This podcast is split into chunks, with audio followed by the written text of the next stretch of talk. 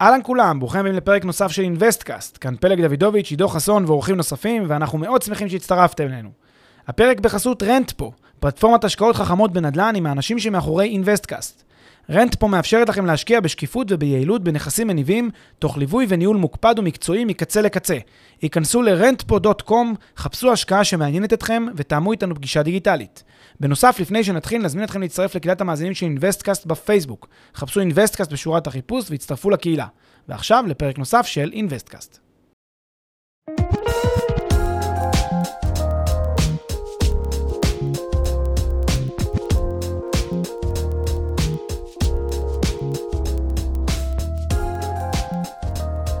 שלום, ברוכים הבאים לפרק מספר 14 של אינוויסטקאסט, אהלן פלג, מה קורה? מה העניינים?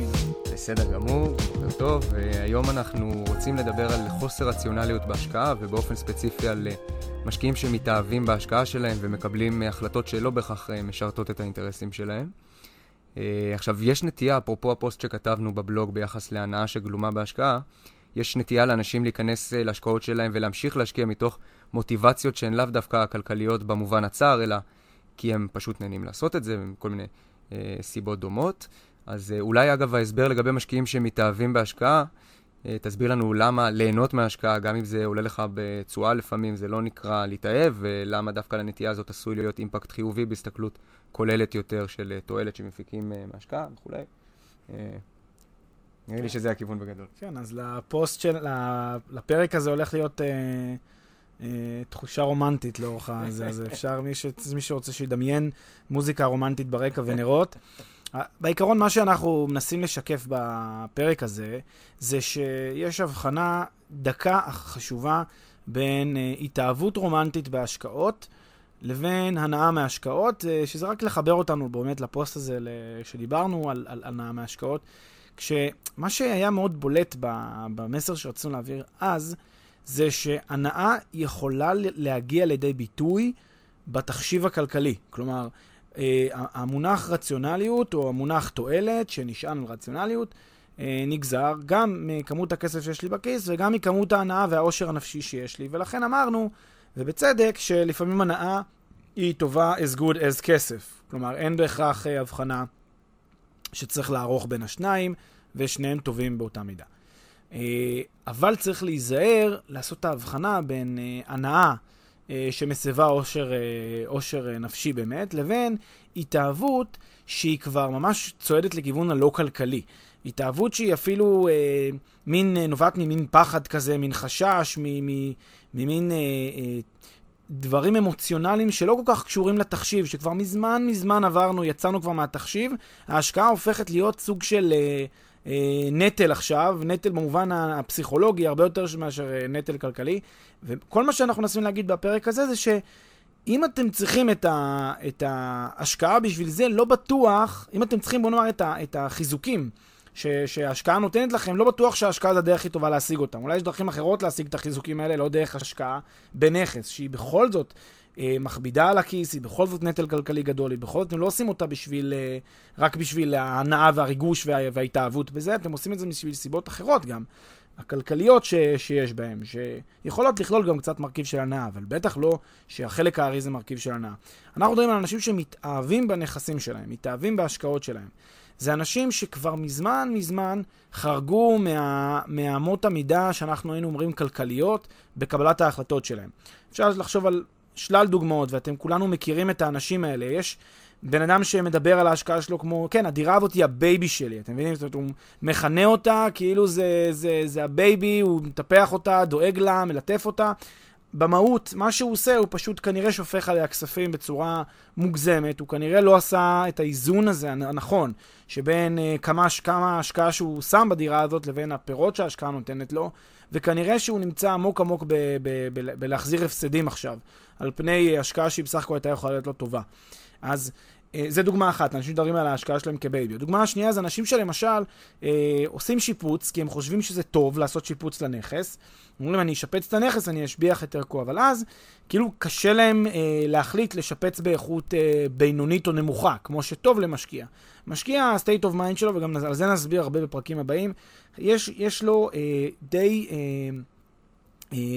רגישות נמוכה לאיכות המוצר, מסיבות שקשורות הרבה באיך שמחושבת התשואה ועל ההבחנה בין ההכנסות, שלא כל כך משתנה כשמדובר בדירה יותר טובה לפחות טובה, אנחנו נדבר על זה פעם, אבל כשעושים שיפוץ, אם אתה משקיע בדירה 100 אלף לעומת 50 אלף, ככל הנראה לא יהיה פער דרמטי בשכירות, ועדיין הרבה מאוד אנשים בוחרים להשקיע את ה-100 אלף שקל במין השקעה גרנדיוזית. ואז אתה שואל לך, למה הוא עשה את זה? אז אתה מבין, הוא פשוט לא יכול היה לנתק, כי הוא פרפקציוניסט, כי הוא אומר, מה, הדירה שאני, ששלי, שבבעלותי, לא תהיה טיפ-טופ, אני לא אשים פה כזה חיפוי קרמי, ואני לא אשים כזה ריצוף איכותי, ואני לא אשים פרקט בכל החדרים. אז התפיסה שיש לאותו משקיע היא תפיסה של...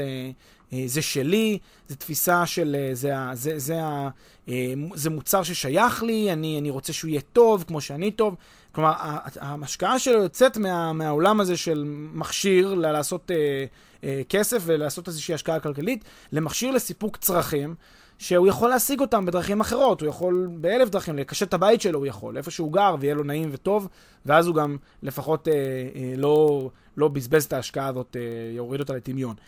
אז הקושי עם אותם מתאהבים זה שהם, אה, שזה הדוגמאות שציינו, זה שהם שמים לפעמים את ההשקעה, את המרכיב הריגושי והרגשי של ההשקעה, הרבה לפני המרכיב הכלכלי שלה. הם עושים תעדוף לא נכון. בלי לשים לב. בלי לשים לב, ונכון, ברוב המקרים זה בלי לשים לב, אבל אם הם שמים לב, הם עושים את זה במודע, ושוב, זה מוסיף להם כבר הנאה ש...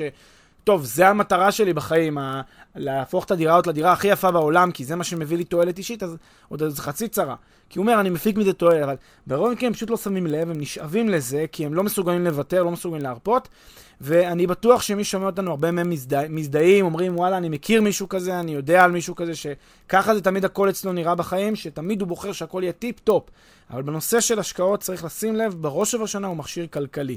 עכשיו אני אתן לכם גם עוד איזושהי נקודה, שקשורה, מתכתבת עם זה, שקשורה ל stop-loss. למשל, הרבה אנשים, אה, ואולי גם על stop-loss נעשה פרק נפרד, הרבה אנשים בהשקעות לא מסוגלים לעצור. נניח אה, ה, ה, שוק הנדל"ן קצת בירידה, חמישה, שמונה אחוז, עכשיו צריך להחליט אם לממש את הנכס או לא לממש את הנכס. הרבה אנשים אומרים לעצמם, לא, מה, אני לא יכול לממש בירידה. אני אחכה שהוא יעלה חזרה, ואז אני אממש. ואז הם מתחילים, וממשיך לרדת בינתיים, מתחילים להתאהב ברעיון שיום אחד יעלה. והם הם, הם כאילו גם לא רק מתאהבים ברעיון שהוא אה, יעלה, אלא הם שונאים את הרעיון שהוא ימשיך לרדת. הם שונאים את הרעיון שהם ימכרו בהפסד. עכשיו, צריך להבין מה המשמעות של אה, להמשיך להחזיק בדירה כשהמחיר שלה הוא נמוך יותר. זה כאילו החלטתם באותו רגע לקנות את הדירה במחיר, החד... במחיר הזה שהיא נמצאת בו. זה, זה בדיוק, כאילו, אתם יכולתם הרי לקחת את הכסף ולקנות אותו חזרה. האם הייתם קונים את הדירה עכשיו כשהשוק נראה לכם בירידה? כנראה שלא הייתם קונים את השוק שהוא בירידה. זה המשמעות של stop-loss, וזה גם מה שהרבה אנשים שמתאהבים בנכסים לא שמים לב לזה. זאת אומרת, השאלה שלך זה, אתה צריך לשאול את עצמך, האם היית מוכן מלכתחילה לקנות דירה שהערך שלה הוא כל כך יקר, בשביל אותם פירות ש, ש, שהיא מניבה לך? האם כשהדירה שיפצת אותה עכשיו ב-100,000 שקל, והיא תראה לך רק 2% או 1% תשואה במקרה הטוב, בגלל שאתה השקעת בזה, האם אתה קונה דירה כל כך משופצת, נפלאה, בשביל 1% תשואה? כנראה שלא היית קונה. זה גם מה שצריך להניע אותך אם, כשאתה מחליט לעשות את השיפוץ האיכותי על פני השיפוץ הנחות יותר, את ההשקעות המופרזות על פני השקעות לא מופרזות, זה, זה אותו שיקול. האם היית בדיעבד, כשהנכס מוכן, האם היית מוכן לקנות אותו במחיר שאתה מביא אותו אליו? האם היית מוכן, כי זה בדיוק מה שאתה עושה, אתה מביא את הנכס לאותו מחיר, ואז לכאורה אתה יכול למכור אותו ומיד לקנות אותו. האם היית מוכן לקנות אותו באותו מחיר? ברור שלא. זאת גם הסיבה שאתה צריך לדעת אה, לא, כן, לא, לדמ, לא, לא, לא להפוך את הנכס לאיזשהו מכשיר להגשמת הרצונות האלה שלך, אתה צריך פשוט להתייחס אליו בצורה כלכלית ו, ובצורה רציונלית.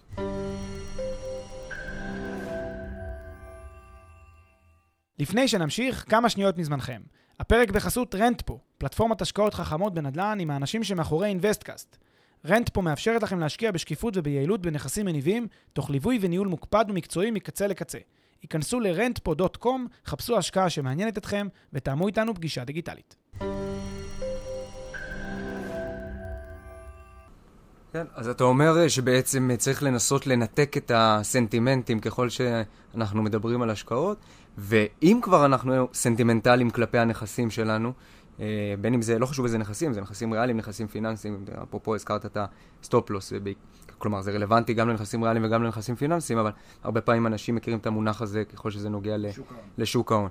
אה, אה, לשים את הדבר הזה בצד, או לכל הפחות להיות מאוד מודע בכל קבלת החלטה לסנטימנט שלך כלפי הרגש, כלפי הנכס, לסנטימנט כלפי הרגש זה מעניין, זה מיני מעגל שלא נגמר. אה, להיות אה, מאוד מודע לנקודה הזאת, אה, ו, ולנסות לכמת באמת את עד כמה הדבר הזה יתרום לך במונחים של תועלת, כלומר, להשקיע את האקסטרה מייל הזה או לא לצאת מההשקעה, כמה זה יתרום לך במונחים של תועלת, שכמו שאמרת, היא נמנית בעולם הכלכלי בדיוק, או לפחות אין איזה יתרון לאחד על פני השני כמו כסף, נכון. הרבה פעמים, ולנסות להבין כמה הדבר הזה באמת תורם לך, והאם הפגיעה הכלכלית ש... האם הפגיעה הכלכלית לא עולה על התועלת שהסיפוק הרגשי הסנטימנטלי הזה תורם לך? אה, אה, מדויק. להבין, אה, להבין מה מצבך ולהחליט מה אתה עושה. בקיצור, להיות מודע, לדעת להיות מודע. טוב, תודה רבה, פלג, ותראה בפרק הבא.